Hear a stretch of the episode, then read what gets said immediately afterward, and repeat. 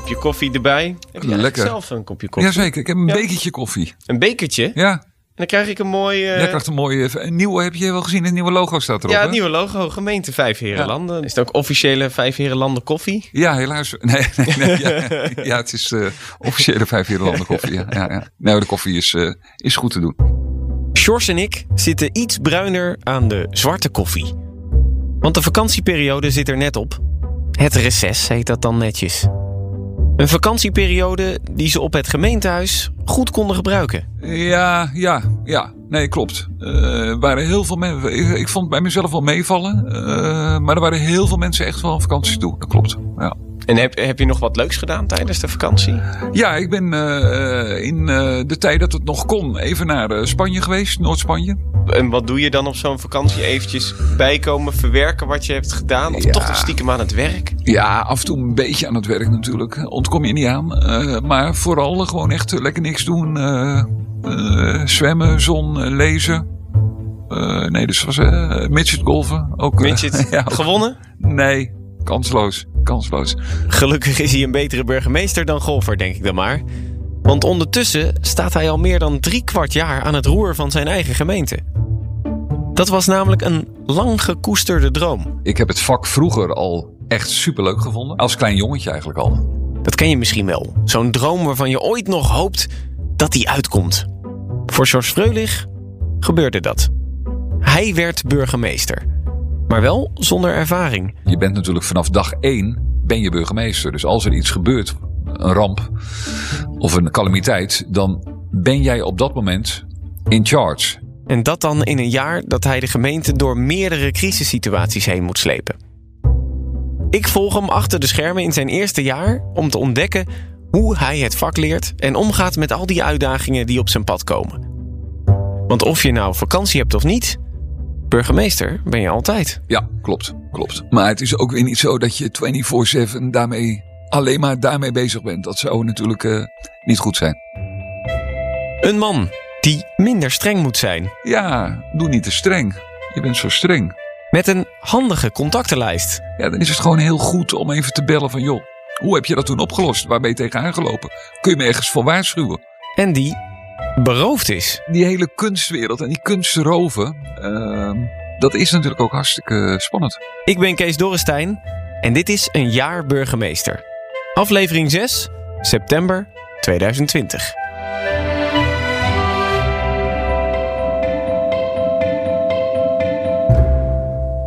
Ik ben weer in Leerdam. Opnieuw het bordes opgelopen. Opnieuw aangebeld en opnieuw door de bode binnengelaten en naar het kamertje van de burgemeester gebracht.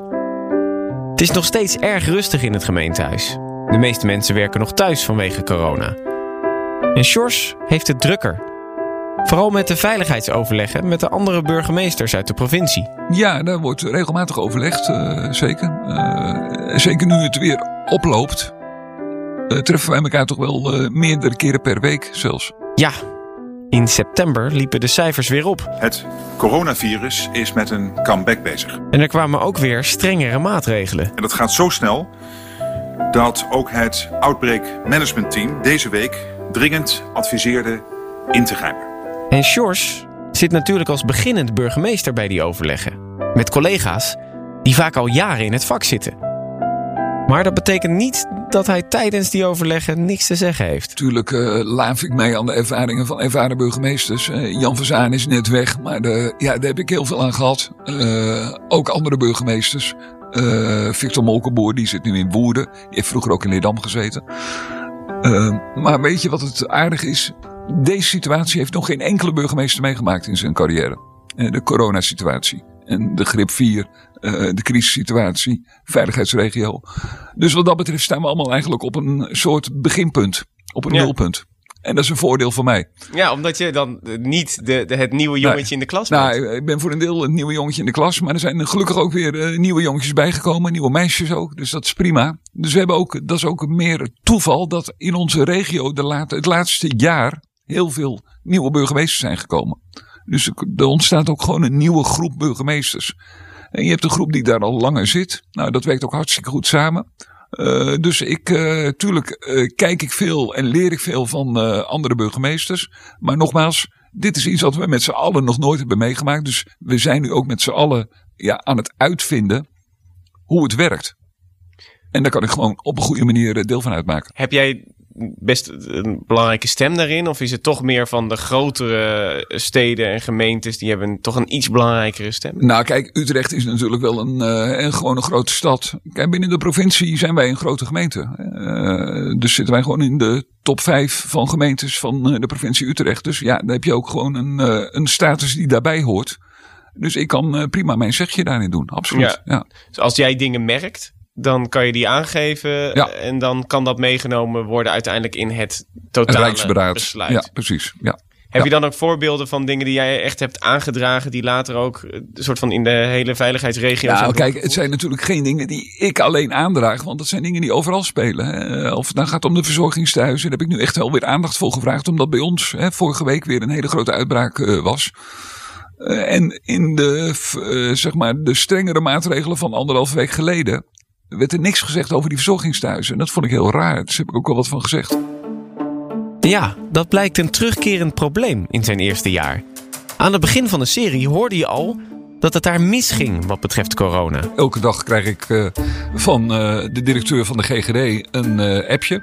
Of ze belt even. En dan krijg je de laatste stand van zaken door. Nou, daar schrik je wel van, hè? En in september gaat het opnieuw mis. Grote zorgen in Leerdam. Bij woonzorgcentrum Present zijn 24 besmettingen van het coronavirus geconstateerd. En dat bleek nog maar het begin. Er zijn inmiddels meer dan 40 geworden. En dat is dan een extra zorg voor de burgemeester en de gemeente. Want een corona-uitbraak in zo'n woonzorgcentrum kan een gevaarlijke situatie veroorzaken. Nee, is ook gevaarlijk. Uh, dit betreft een thuis voor demente ouderen. Uh, waar we dus nu zien dat bijna alle inwoners en bijna alle uh, medewerkers uh, besmet zijn geraakt. het is nu zaak om het te laten draaien. Want bijna alle medewerkers zijn ziek. En het moet wel. Ja. ja. Er, moet wel, er moet wel personeel zijn. Dat is nu de grootste zorg eigenlijk. Ja. Om daar goede mensen voor te vinden. Maar maak je je zorgen dat er misschien weer de helft van de mensen daar gewoon het niet redt? Tuurlijk. Uh, tot nu toe is het zo, maar uh, ik klop het af. Dat uh, het lijkt milder dan een half jaar geleden. Nou, ik hoop dat dat zo blijft. maar weet je, het is heel moeilijk. Bijvoorbeeld dat huis waar we het nu over hebben. Demente ouderen kun je gewoon niet instrueren. Die kun je niet zeggen, je moet anderhalve meter van elkaar afblijven. Nee, of, die vergeten het misschien ook die weer. Vergeet, nou ja, gezegd, letterlijk ja. ja. En die kun je niet zeggen, je mag niet naar de woonkamer, niet naar de huiskamer. Dus dat kan wel, maar dan moet je ze, je moet ze dan gewoon opsluiten. Ja, dat willen we niet. Dus we hebben eigenlijk daar nu gezegd: ja, laat het maar gebeuren. Maar die beslissing werd genomen toen nog maar de helft van het verzorgingstehuis besmet was. En nu dus iedereen. Dat eh, is een besluit wat eh, de GGD samen met de present heeft genomen. Uh, waar ik wel in word gekend, maar dat is niet mijn verantwoordelijkheid. Uh, je wilt natuurlijk niet dat er een situatie ontstaat. Kijk, toen uh, de cijfers die jij hebt, dat was de eerste uitbraak. Dus uh, 12 of 13 medewerkers en 12, 13 bewoners. Toen waren er dus nog de helft van de bewoners die niet ziek waren. Nee. de familieleden van die bewoners maakten zich natuurlijk heel erg zorgen. Maar wij, wij of zij en ook de GGD zagen geen mogelijkheid om dat ja, te, te splitsen. Ja, dat is natuurlijk een ongelooflijk lastige Voel je ook een beetje boodschap. Ja, precies. En dan moet je dat tegen de familie zeggen. Ja, nou, toen hebben we wel geadviseerd, en dat is ook gebeurd, om diezelfde avond van de uitbraak nog een familiebijeenkomst uh, te houden. En uh, er is wel begrip voor hoe het nu gaat. Uh, maar het is natuurlijk absoluut niet wat je wilt. En we zien daar dus inderdaad dat waarschijnlijk door een jongere op een of andere manier dat virus naar binnen is gebracht. Ja, en dan, dan gaat het. En ja, ik werd er zo verdrietig van dat ik dat al, nou ja, je, je volgt mijn tweets een beetje, al maanden roep. He, van al de, iedereen op ja, maar het zijn maar jongeren en die worden niet ziek en dan uh, maak je niet zo druk en uh, mm. overdreven reactie. Maar dit is precies. En je ziet maar dit, nu dit roep jij natuurlijk ook omdat je hier zoveel van die verzorgingstehuizen ja. hebt. Ja, maar, uh, ja zeker. Maar ook elders in Nederland. Je ziet nu dat het de oudere doelgroepen, de kwetsbaren gaat bereiken. Je ziet nu dat de ziekenhuizen weer vol raken. Dat de IC's vol raken. Dat we alweer uh, patiënten aan het verplaatsen zijn. Maar dan denk ik toch, want ik volg jouw tweets inderdaad. Ehm, en jij eh, tweet regelmatig, een paar keer per week. Jongens, hou je nou aan de regels? Ja. Ehm, maar dan denk ik ook, ze luisteren niet echt naar de burgemeester. Nou, kijk, eh, het gaat er niet om dat ze naar mij luisteren. Eh, Laten we even vooropstellen dat de overgrote meerderheid van de mensen, ook hier, zich wel aan de regels houdt.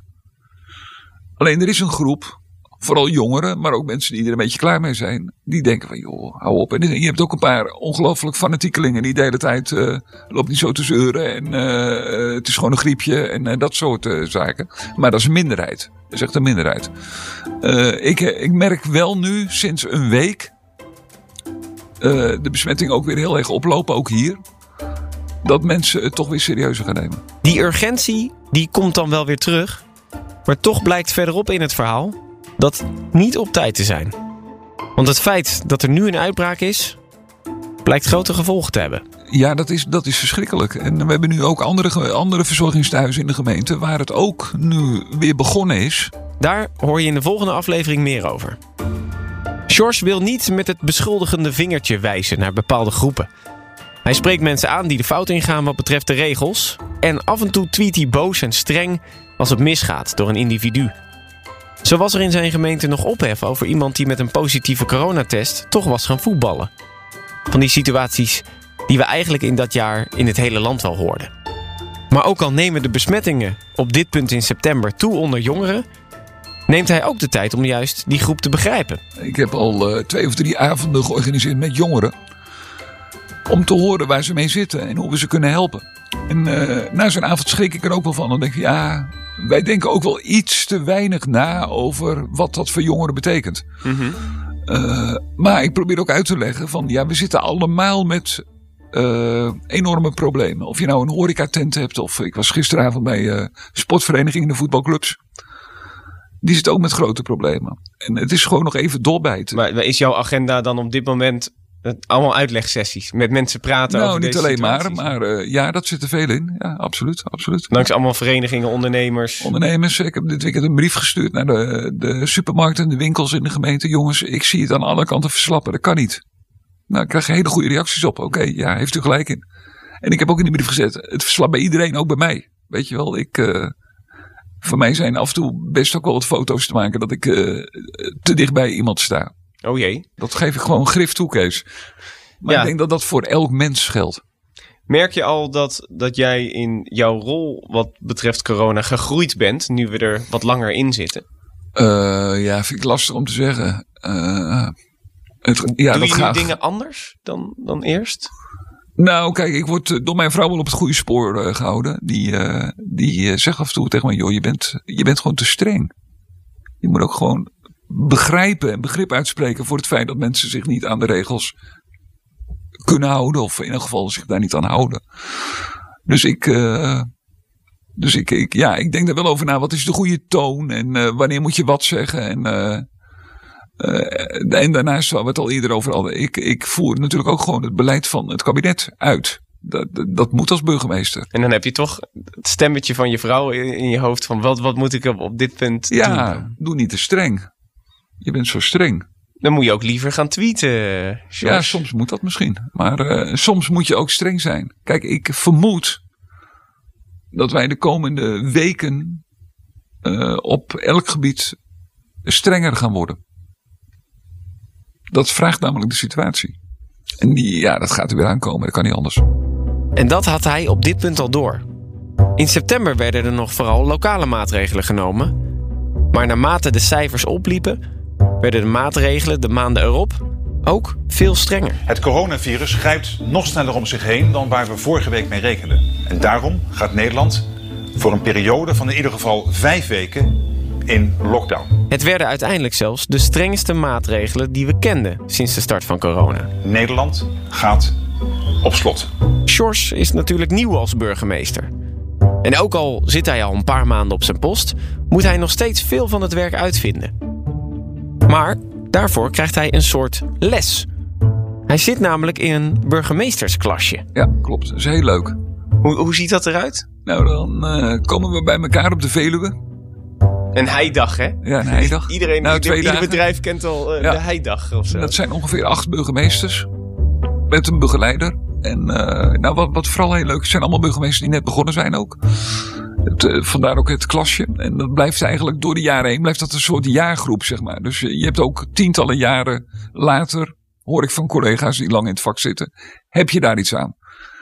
En dat zijn hele, je deelt heftige dingen ook met elkaar. Uh, een van de burgemeesters uh, is burgemeester van de gemeente waar ze die martelkamer hebben gevonden een paar maanden geleden. Ja, het zijn beelden die je normaal in misdaadfilms ziet. Maar wat we zo gaan zien is echt. De politie heeft een video vrijgegeven van de inval in de loods in Wouwse Plantage. Criminelen hadden in die loods onder meer een martelkamer. Andere burgemeester is de burgemeester van Ameland, waar uh, deze zomer een meisje van 13 of 15 is verdronken. Ja. En hij met de moeder van het meisje een Duitse familie, uh, ja, daar zat. Het Duitse meisje was met haar familie op vakantie op Ameland. Gisteravond en vannacht werd met vijf reddingsboten en een helikopter urenlang naar haar gezocht. Hij heeft hij over verteld. Ja, is heel, heel aangrijpend. Dus je deelt ook dingen met elkaar. Twee van die acht hebben corona gekregen. Hebben daar allebei, in maart zijn ze ziek geweest. Nu nog last van. Dus het, uh, ja, het is heel mooi om dat allemaal met elkaar te delen. Ja, het voelt een beetje alsof jullie de zware verhalen aan het uh, aan Ja, maar het was ook zo, maar ik weet niet of dat uh, toeval was. In onze groep zijn wel inderdaad wel wat heftige dingen gebeurd. En dat zijn ook vaak dingen die je niet echt direct met je, de mensen om je heen kunt delen. Omdat, Omdat ze niet snappen wat je. Nou, soms sta je in bepaalde situaties sta je als burgemeester echt wel gewoon. kom, kijkt iedereen naar jou. En moet jij de beslissing nemen of moet jij iets doen? En dat, is, dat heb ik wel een paar keer meegemaakt. Dat kun je eigenlijk alleen maar goed met andere burgemeesters bespreken. Omdat andere mensen, eh, of dat nou de gemeentesecretaris is, of wethouders, of, of mensen die in de organisatie werken, of een politiechef, die kunnen niet dat gevoel, die hebben, dat is logisch, die hebben niet dat gevoel van die burgemeester. Omdat ze toch nooit in die positie hebben gezeten. Nee. Dan. Nee. En heb je dan, want je hebt niet zo vaak zo'n klas. Nee. Is het dan ook op het moment dat je met iets zit, dat ja. je dan een van die burgemeesters even erbij hebt of even belt ja. van, hey. Kijk, dat deed ik al, hè, want hier, hier in de omgeving heb ik gewoon heel veel contact met, uh, goede contacten met burgemeesters. Dus het komt heel vaak voor dat ik even denk van, ah, wie heeft hier wel eens mee te maken gehad? En dan ga ik die bellen. Gewoon voor advies. Ja. En uh, je hebt uh, die klas, daar deel je dus ervaringen mee. Ja. Geef je denk ik ook adviezen ja. over hoe zou ik daarmee omgegaan zijn? Ja, je hebt een soort inter, intervisiemomenten. Dus dan komt er een, een van de burgemeesters gewoon met een, met een casus van ik zit hiermee, zo'n situatie. Nou, dan maak je gewoon een rondje van eerst vragen stellen en dan geeft iedereen een advies. Nou, dat, dat doet de burgemeester wel wat mee of niet. Maar vaak komen daar wel dingen naar boven en denk je, oh ja, had ik niet aan gedacht. En er zit een begeleider bij dus. Er zit een begeleider bij, uh, ja, sowieso. En ook op verschillende deelgebieden zitten daar ook weer, eh, komt er iemand uh, bij voor stemtrainingen bijvoorbeeld, of voor crisisbeheersing. Ik heb zelf de afgelopen keer, twee weken geleden, heb ik zelf les gegeven in communicatie aan mijn eigen klasje, dus dat was leuk. En kom, van, vanwege jouw ervaring uit ja, de media? Ja. Dus dat was hartstikke leuk. Maar dus, dus je hebt ze gewoon eigenlijk een soort van perstraining gegeven. Hoe de pers te woord te staan. Dat nou, meer ook uh, gebruik inderdaad van social media. Uh, hoe, hoe, laat je je zien in deze coronatijd als burgemeester? Nou, niet, uh, ik heb ook gezegd, jongens, niet dat ik precies weet hoe dat moet. Maar ik vertel hoe ik ermee omga. En misschien heeft iemand daar wat aan. En, zo, en zo wie zijn die andere leraren dan? Zijn het andere burgemeesters? Of ja, soms zijn het andere burgemeesters, soms zijn het uh, gewoon professionals in een bepaald gedeelte van crisisbeheersing of van uh, performance, uh, dat soort dingen. Dus van alles wat eigenlijk. En jullie, jullie hebben niet een ervaren burgemeester die dan altijd gebeurt ook. gebeurt ook, ja. om jullie les ja. te geven of ja, zoiets? gebeurt ook. Of een burgemeester die een bepaalde grote ramp heeft meegemaakt en die vertelt hoe je daarmee omgaat. Het is wel opvallend dat je als, als burgemeester wordt ook een beetje van je verwacht. Die, ja. die weet het wel, want ja. die, is, die is de burgemeester ja. geworden. Die heeft zoveel bestuurservaring en dan toch heb je ook eigenlijk les. Ja, maar ik vind het heel goed. Je kunt, uh, ook al heb je heel veel ervaring, de, de, situatie is altijd net even anders. En er zijn ook vaak situaties die andere collega's gewoon ook al eens vijf jaar geleden een keer hebben meegemaakt. Ja, dan is het gewoon heel goed om even te bellen van joh. Hoe heb je dat toen opgelost? Waar ben je tegenaan gelopen? Kun je me ergens voor waarschuwen? Ja, ik heb daar heel veel aan. Absoluut. Tijdens zijn burgemeestersles, om het maar zo te noemen, krijgt hij ook presentatietraining. Hoe je je als burgemeester goed moet neerzetten. Waaronder ook een stemtraining. Dat is toch opvallend als oud radiopresentator. Maar ja, wij weten natuurlijk ook dat hij een stemprobleem heeft. Burgemeester uh, spreekt natuurlijk vaak in het openbaar. Uh, voor een publiek of voor de camera. Nou, hoe je dat doet, dat is ook een vak apart. Doe je het goed? ik doe het op mijn eigen manier. En, dat, dat, is geen antwoord, hè? maar ik heb daar ook weer heel veel van geleerd. Je moet ook echt wel bij jezelf blijven. Je moet geen trucje gaan doen. Maar het is wel belangrijk als je de houding waarmee je zit of staat, zegt gewoon heel veel.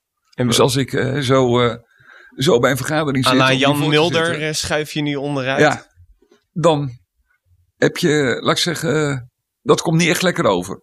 Terwijl als je gewoon zo zit, rechtop, rechtop mensen aankijkt, ja, eh, dan heb je echt veel meer impact. Dus dat soort ja, trucs uh, bespreek je dan. Heb je dan ook het voordeel dat je, je bent een lange man ja. Dat je dan toch wat, wat meer, wat, wat sneller, soort van boven iedereen uit. Ja, weet ik niet. Op zich kan dat een voordeel zijn. Ik weet niet, uh, ik ken ook uh, kortere burgemeesters die heel veel gezag hebben hoor. Dus uh, ik bedoel, Jan van Zijn is een stuk kleiner dan ik. Nou, vind ik een gezaghebbende burgemeester. Dus dat zegt niet alles. Maar nee, het heeft ook. het heeft ook wel met je, laat ik zeggen, met je burgemeestersuniform te maken. Dat is ook. net, net pak aan. Ja, als je een pak aan hebt, uh, en stel je hebt ook nog de Amsketen om. Dan ben je echt ja, ook symbolisch uh, de burgemeester. Ja, dat werkt gewoon. Dat werkt gewoon. En dan moet je daar ook, vind ik, dan sta je ook rechtop. En uh, dat helpt in sommige situaties wel. Ja. ja. Dat is, ehm, en, en dan ook stemgebruik. Maar jij hebt uh, af en toe gewoon last van je stem. Daar hebben we het al eerder over gehad. Dat, is, dat is nou eenmaal ooit een keer gebeurd. En uh, daar zou je de rest van je leven zou je daar mee te maken hebben. Ja, zeker.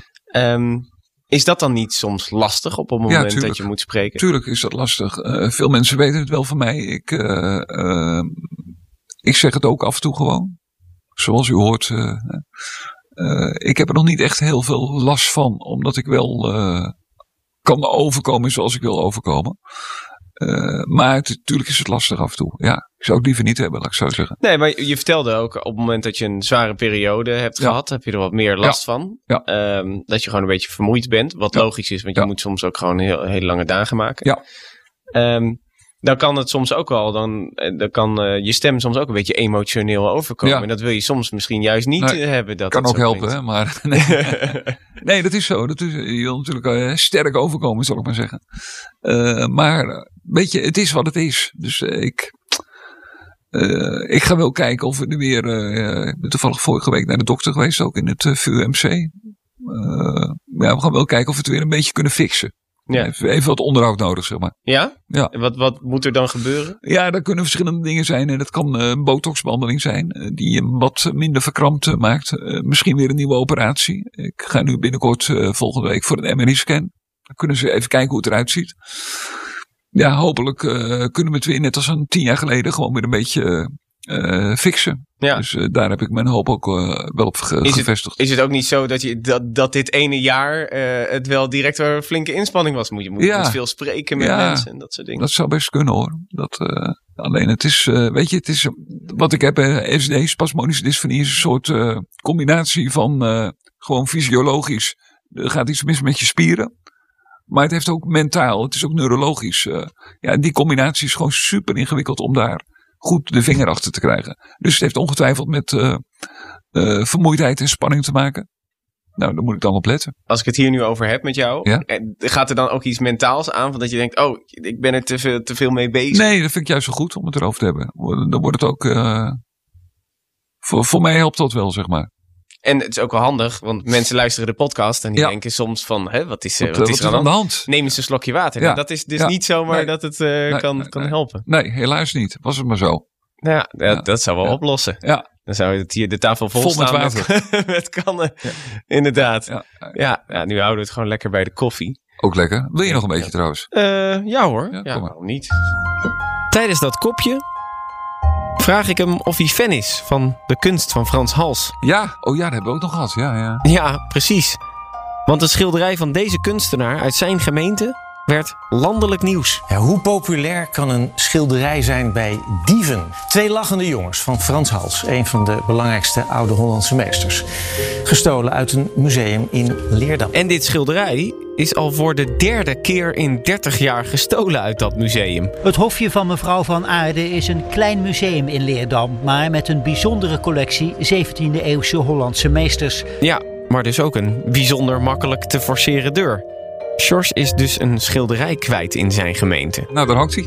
Nee hoor. je, hebt, je hebt wel een mooi eh, schilderij in de kamer hangen van een, eh, een boot aan, aan de kade. Van Leerdam, hè? Van Leerdam, ja. ja. En dit is ook heel mooi, hè? Dit is ook Leerdam. En hier zie je ook, ik zal er even naartoe lopen. Ja, wacht even, dan moet ik even de microfoon erbij pakken natuurlijk. Een heel groot schilderij. Dat was overigens ook even weg, maar dat was voor een uh, expositie even weg. Met een soort gezichten op Leerdam. En je ziet daar twee torens eigenlijk. Hè? Twee molens, maar ook twee torens. En die rechte toren, dat is het hofje van mevrouw van Aarde. En daar is het museum waar de Frans Hals uh, is gestolen. Vraag ik me wel af. Jij, jij, kreeg, jij, jij moet hier op de hoogte van gesteld worden, denk ja, ik. maar dan. niet van tevoren. Nee? Nee, niet, ja. nee dat, dat lijkt me ook inderdaad wel gek. ik werd uh, s morgens heel vroeg gebeld, inderdaad. Door de politie? Dan? Door de politie, ja. Van er is wat ergs gebeurd. Ja. Frans Hals is weg. Ja, klopt. Dus naar het museum toe gereden, naar de beheerder. En uh, daar waren ze uh, met onderzoek bezig natuurlijk. Ja. En uh, ja, iedereen vindt het wel spannend eigenlijk ook. Ja, je kijkt er ook wel een beetje ja, ik vind glimlachend wel, bij. Alsof je in een soort van crimi zit. Nou, het is natuurlijk die hele kunstwereld en die kunstroven. Ehm, dat is natuurlijk ook hartstikke spannend. Dus, maar, maar ondertussen is een heel duur schilderij ja. gestolen. Ja. hij komt wel weer terug, denk ik. Ja? Ja, ik heb er goede hoop op. Oh, goede hoop of heb je al wat dingen gehoord dat er losgeld voor betaald moet worden? Nee, dat heb ik nog niet gehoord. Nee, nee, nee. Nee, nee kijk, de verwachting is dat. Uh, het is een ingewikkeld verhaal, maar het is wel leuk. Uh, de politie heeft natuurlijk vorig jaar die uh, geheime codes om met elkaar te communiceren in de onderwereld, in de criminaliteit, hebben ze eigenlijk opgerold. Hè. Ze hebben natuurlijk een paar ja. maanden mee kunnen kijken. In het chatsysteem van uh, van de criminaliteit. Er zijn dus heel veel criminelen in Nederland die denken: oh shit, wat hebben ze allemaal gezien? En uh, ben ik, uh, wanneer ben ik aan de beurt?